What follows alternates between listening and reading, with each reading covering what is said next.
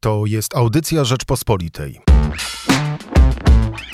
Polityczne Michałki. Zapraszają Michał Szułdrzyński i Michał Kolanko.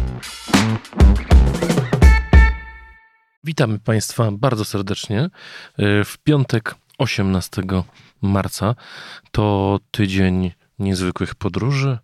Jarosław Kaczyński z Mateuszem Morawieckim pojechali do Kijowa, a premier e, były premier Donald Tusk do Budapesztu we, wesprzeć wiec opozycji. E, będziemy się dzisiaj z Michałem Kolanką zastanawiali nad znaczeniem tych, e, tych wydarzeń.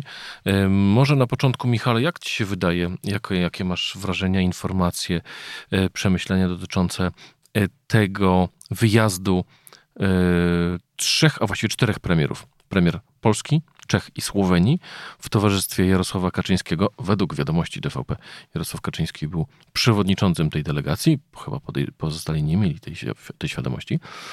Pojechali, spotkali się e, późno w nocy, w nocy z wtorku na środę z prezydentem Załańskim i potem wrócili i jechali pociągiem do e, stolicy e, oblężonej Ukrainy, która jest ofiarą rosyjskiej agresji.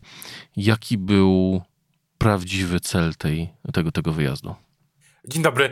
No, rzeczywiście jest, y, ten wyjazd wywołał wiele komentarzy i y, pewnych politycznych emocji, y, również po stronie opozycyjnej. Tak jak zwróciłeś uwagę, w, w tym tygodniu rzeczywiście była pewna, nazwijmy to, nie zawaham się użyć tego słowa, symetria, bo i premier, był premier Tusk był w delegacji i prezes Kaczyński też był w delegacji, nazwijmy to tak. Ale mówiąc już całkiem poważnie, to jeśli chodzi o takie oficjalne cele i te nieoficjalne mm, przesłuchy, to myślę, że paradoksalnie w tej sytuacji e, te, te, oficjalne wytłumaczenia są dosyć bliskie temu, co też można usłyszeć e, mniej oficjalnie, to znaczy, że rzeczywiście no, akcentowane jest to, że ta misja miała po prostu no, pokazać e, całemu, pokazać światu naświetlić jeszcze mocniej tę kwestię tej agresji na Ukrainę, pokazać jednocześnie samym Ukraińcom, że mają wsparcie Unii Europejskiej. No z tym oczywiście mm, jest pewna, była na samym początku pewna kontrowersja, czy, czy ta misja jest w imieniu Unii, czy nie, no ale później się to jakoś w miarę wyjaśniło. Tu politycy PiSu na OFIE twierdzili, że nigdy nie mówili o tym, że e, to jest misja unijna, no ale wyszło e, tak, jak e, widzieliśmy, to znaczy no, liderzy kilku unijnych krajów, e, można tak to określić, notyfikowali, czy inaczej, no, byli w Kijowie, wcześniej premier Morawiecki miał informować, informował o tym liderów unijnych instytucji, czyli szefa Rady i szefową komisji. Natomiast wydaje się, że politycznie, gdy tak się e, zaczyna, mm, gdy tak się zbiera informacje, to pojawi się taki wątek, który też być może e, słyszałeś, że e, uczestnictwo premiera, byłego, znaczy byłego wicepremiera Kaczyńskiego, prezesa PiS, no miało pokazać, że on też w tym kryzysie, w tym kryzysie odgrywa liczącą się rolę że miało też pokazać, że to nie tylko prezydent Duda, nie tylko premier Morawiecki się zajmują dyplomacją na, na takim najwyższym szczeblu, czy na takim eksponowanym miejscu, ale też prezes Kaczyński też jest tym wszystkim spiritus movens tej całej sytuacji. No oficjalnie był członkiem tej delegacji, no ponieważ miało to zwiększyć jej rangę. E, nieoficjalnie no też można tak usłyszeć taką teorię, że no mógł powiedzieć rzeczy, których sam premier Morawiecki czy inni premierzy nie mogliby powiedzieć. No to mieliśmy tego przykład, powiedział o tej prezes Kaczyński zasugerował tą misję pokojową NATO czy jakiegoś innego układu międzynarodowego. No i taka debata się rzeczywiście mm, rozpoczęła, ale wydaje się, że te pierwsze reakcje na tą na ten pomysł prezesa Kaczyńskiego raczej chłodne. No więc właśnie, bo mamy tutaj jak gdyby kilka rzeczy. Pierwsza to ten, e, to zamieszanie dotyczące e, spraw mm, umocowania tej delegacji. Było z tym trochę, e, było z tym trochę mm, zamieszania. No wiemy na pewno, że premier Morawiecki rozmawiał o sprawie z szefem Rady Europejskiej Charlesem Michelem i Urszulą von der Leyen, e, szefową Komisji Europejskiej. Wiemy też, że nie było ustalenia, że jest to formalna delegacja e, Rady Europejskiej ani, ani Komisji Europejskiej, ale równocześnie obaj, e, czy trzej premierzy, są członkami Rady Europejskiej jako szefowie swoich e, rządów.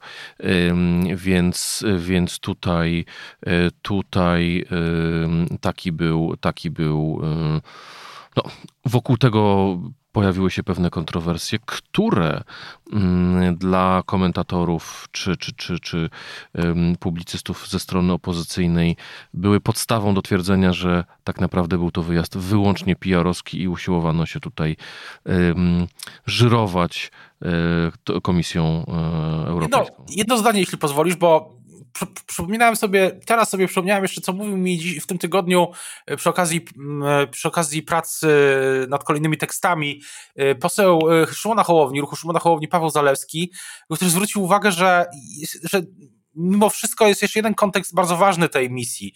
I poseł Zalewski mówił mi, co zresztą jest w jednym z tekstów, że też pokazała, mimo tego, o czym mówisz, i tych pewnych kontrowersji, zamieszania i tak dalej, pokazała jednak, że Ukraina nie jest państwem no nie wiem, jakby to ująć, upadłym, tak, że ma swoje terytorium, które jest w stanie zapewnić bezpieczeństwo y, takiej delegacji, nawet w stolicy kraju, który jest y, ofiarą takiej pełnoskalowej inwazji. Poseł Zalewski zwraca uwagę, że to też dla Zachodu jest y, sygnał, że Ukraina nie jest, że nie można w ten sposób tak łatwo odpuścić, tak? No bo to nie jest kraj, którego nie ma i można się przejść do business as usual, wyrazić no po prostu ubolewanie, tylko że jest krajem, który walczy, ma swoje terytorium i pod tym względem czasami jest tak, że PR też jest ważny. Mhm. Nawet, zwłaszcza, no, pokazuje to zresztą prezydent Zełański, no, który w PR-ze bardzo dobrze rozumianym, no myślę, że jest e, bardzo dobrze sobie radzi. Trudno szukać mu równych.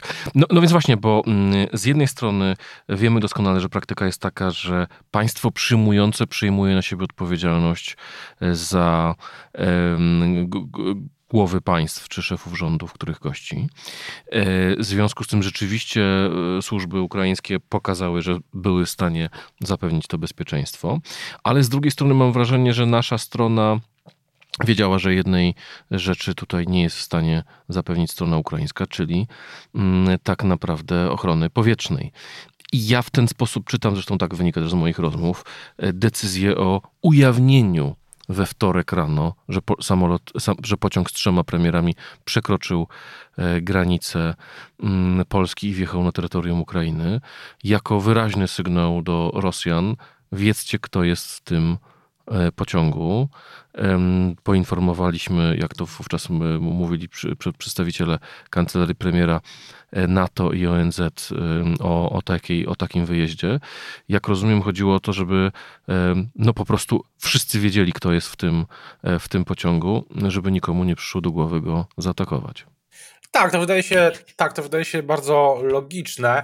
Ja nie, uważam, żeby ta, rozmawiałem, e, znaczy nie uważam, żeby ta misja mogą w jakikolwiek sposób, y, nawet jak już wiemy, co tam mniej więcej padło, jakie były te deklaracje, nawet jeśli wizja tej całej misji pokojowej jest dosyć mglista, y, no to ja nie sądzę, żeby ona w jakikolwiek sposób zaszkodziła Ukrainie i tej sprawie. Myślę, że wręcz przeciwnie, no każda taki sygnał, tak jak też rozmawialiśmy przed chwilą, taki sygnał chyba po prostu jest, każdy sygnał jest w miarę, jest potrzebny. Nie sądzę, żeby coś się złego stało. Natomiast oczywiście jest też tak, że e, to jest jasne, że ona jest i będzie oceniana też politycznie w Polsce, była. Zresztą no, na Twitterze emocje były dosyć spore, ale w tym tygodniu jeszcze w tym wątku to rozmawiałem z Dariuszem Standerskim z Lewicy e, przy, przy, okazji dyskusji o tej specustawie i właśnie chcę się na niego powołać, żeby też nie było to, że zabieram komuś, że, że się te tezy E, tak e, bez, bez atrybucji, więc e, właśnie mm, dyrektor Standerski powiedział, że, że zajmuje się w lewicy legislacją, zwrócił mi uwagę, że jak nigdy w tym tygodniu ta debata twitterowa czy w sprawie tej specustawy, czy w sprawie, czy w innych sprawach, nie była tak oderwana od, od rzeczywistości politycznej nawet w Sejmie. I coś, coś w tym jest. Nie wiem, czy też masz takie wrażenie.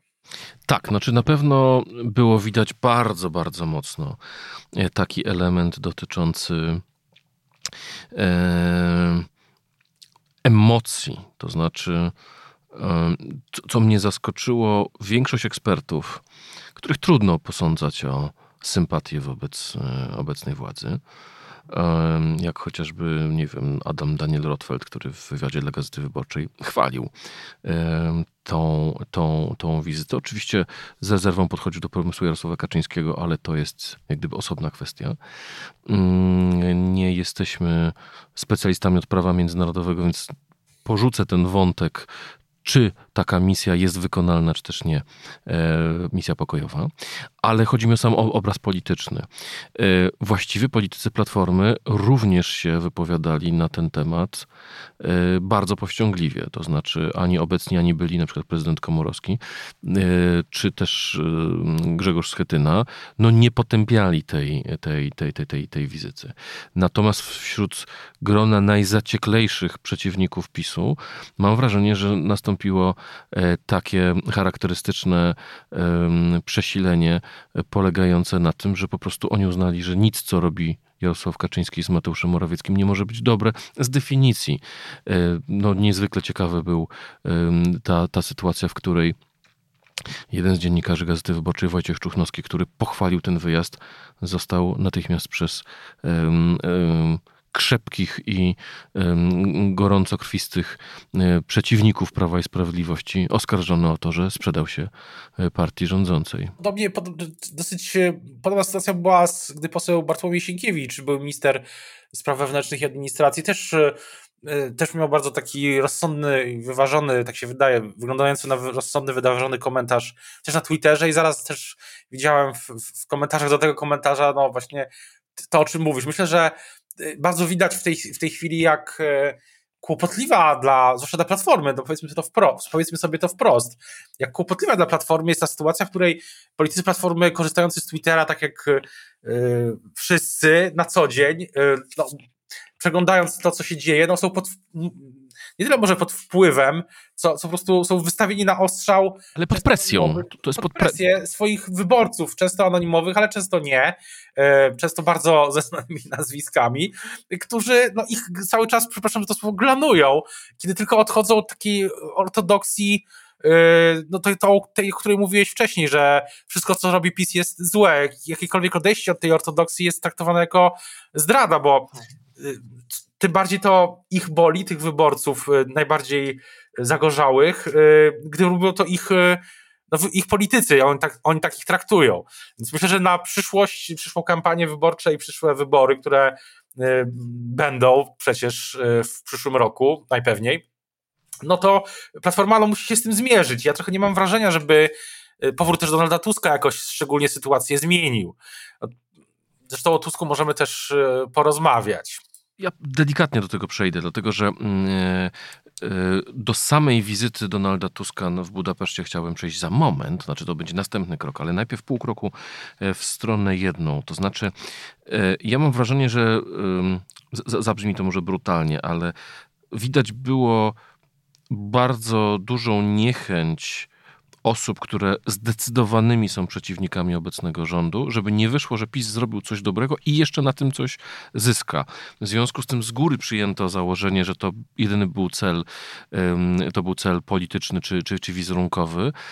No skądinąd, y, jak obserwujemy politykę, wiemy, że dla akurat otoczenia Mateusza Morawieckiego cele wizerunkowe są niezwykle ważne.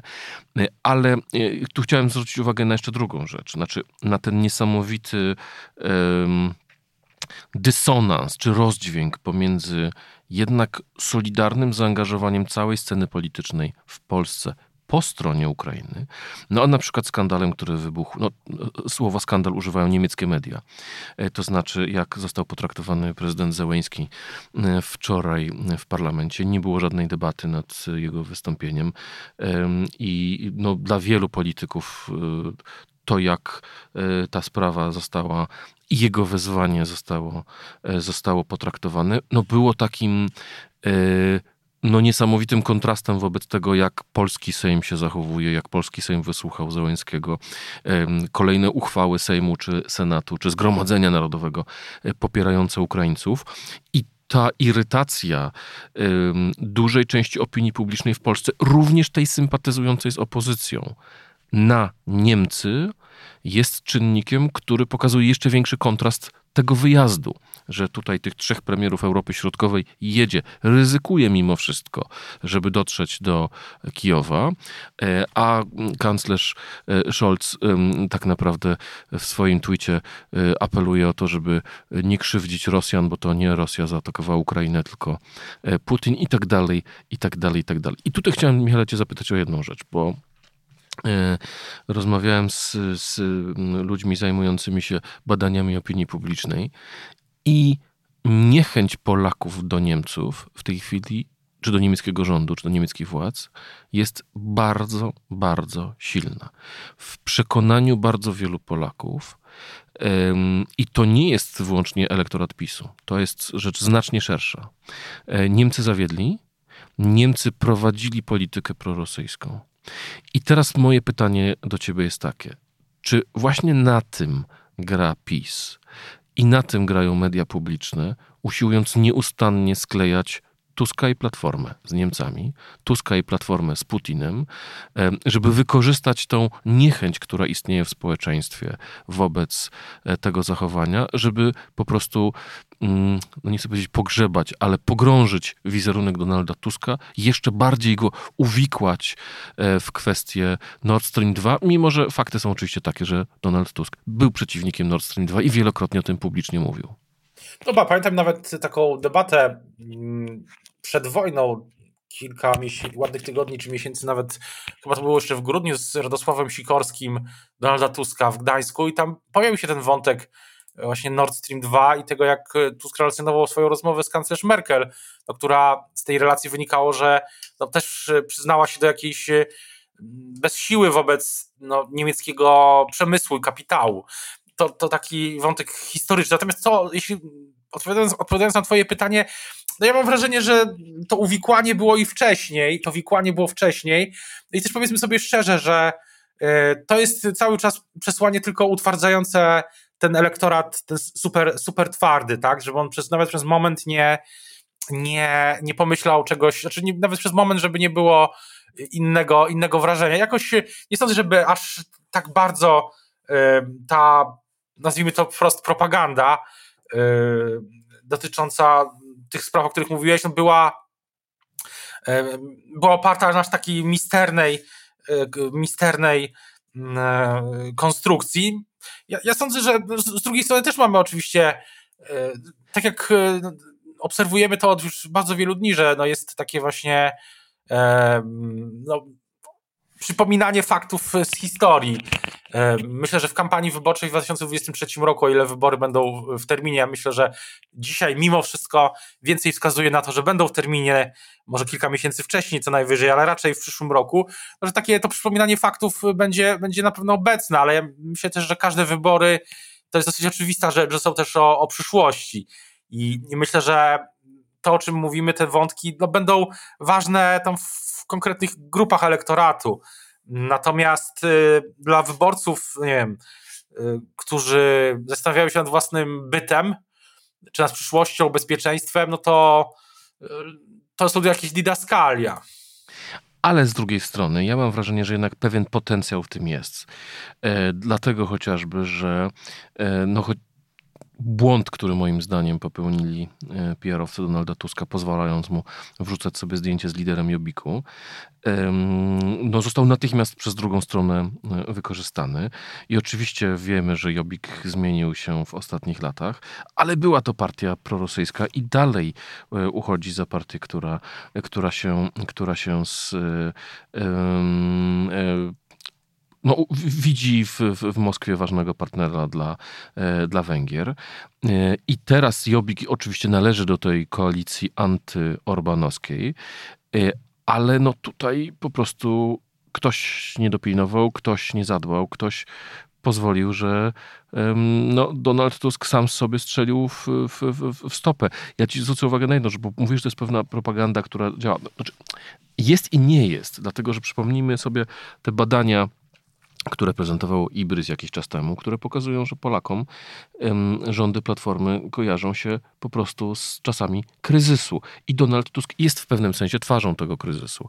To, to jest jasne. Ja propagandę miałem na myśli. Sklejanie Tuska z Niemcami jest elementem propagandy, ale to, że wielu Polaków, solidaryzując się, bo to mm, przecież ta akcja solidarności wobec, wobec Ukrainy jest olbrzymia i tej niechęci wobec Rosji jest olbrzymia.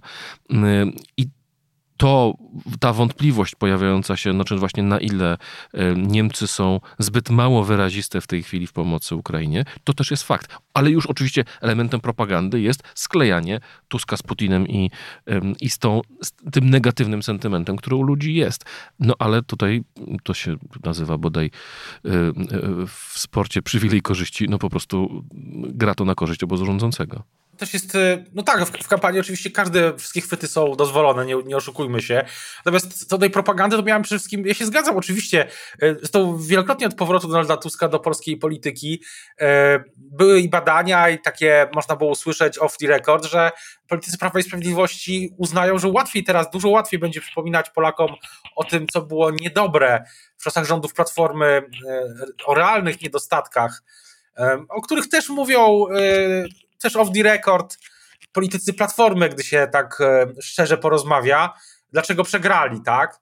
E, w 2015 roku. Łatwiej teraz będzie PiSowi e, to przypominać, no, dzięki temu, że Donald Tusk wrócił. To jest niewątpliwie to, to po prostu politycy PiS całkiem off the record, całkiem otwarcie mówią, więc oni się tak nie zmartwili, gdy Donald Tusk wrócił, a teraz no, rzeczywiście mają po prostu dodatkowe, ta, ten, ta, ta maszyna taka polityczna ma dodatkowe dodatkową amunicję. Mm, mimo tego, oczywiście, o czym mówiliśmy wcześniej, o tym, e, co Tusk też będzie pewnie e, w kampanii przypominał, e, jeśli chodzi o same fakty już i, i, i inne, same fakty dotyczące przeszłości. No, ale ja, tak jak myślę, tak jak powiedziałem, no, ja uważam, wracając jeszcze na chwilę do tego wyjazdu, no to ja jednak mam wrażenie, że od kilku tygodni, od wybuchu tej wojny, o ile na przykład, no nie wiem, ruch Szumana Hołowni, Lewica, też PSL, no bardziej pasują po prostu do takiego stanu, w którym no trzeba po prostu współpracować ponad podziałami, tak? Było to widać w tej ustawie, specustawie o uchodźcach, było to widać w czwartek w tej konferencji w Sejmie, gdy gdy e, no, Lewica, przewodniczący Komisji Spraw Wewnętrznych Administracji z Lewicy, poseł Szczepański i pan wiceminister Wąsik, e, wspólnie, inni politycy oczywiście też, no wspólnie mieli, wspólnie mówili o, tych, o tej poprawce do, do specustawy, czy nowelizacji, przepraszam, specustawy. I oczywiście i dużo trudniej Platformie w tą grę zagrać, bo Platforma przez ostatnie, e, powiem niczym premier, była premier Beata Szydło, siedem ostatnich lat, już prawie, um, no jednak koncentrowała się na byciu taką opozycją no, totalną, jeśli można użyć tego słowa, ale na przykład taką no, ostro kontestującą PiS tak na zasadzie czarne-białe, tak? Tak jak i trudnej platformie jest w tej chwili no, prowadzić politykę, tak? Dlatego ja mam wrażenie, że platforma y, poszukuje jakiegoś nowego y, potrzebuje jakiegoś, nie poszukuje, ale potrzebuje jakiegoś nowego planu, nowego impulsu. No być może ten kongres programowy, który jest w sobotę, na dzień przed naszą rozmową, Państwo mogą już go słyszeć, słyszeć naszą rozmowę, odsłuchiwać po, no może będzie jakimś e, krokiem w nową stronę, że będą jakieś nowe, ciekawe pomysły dotyczące bezpieczeństwa. No, wydaje się naturalne, że teraz Polacy no, będą mieli e, uwagę szczególnie wyczuloną na to, co politycy mówią o jakichś pomysłach dotyczących bezpieczeństwa szeroko, szeroko pojętego.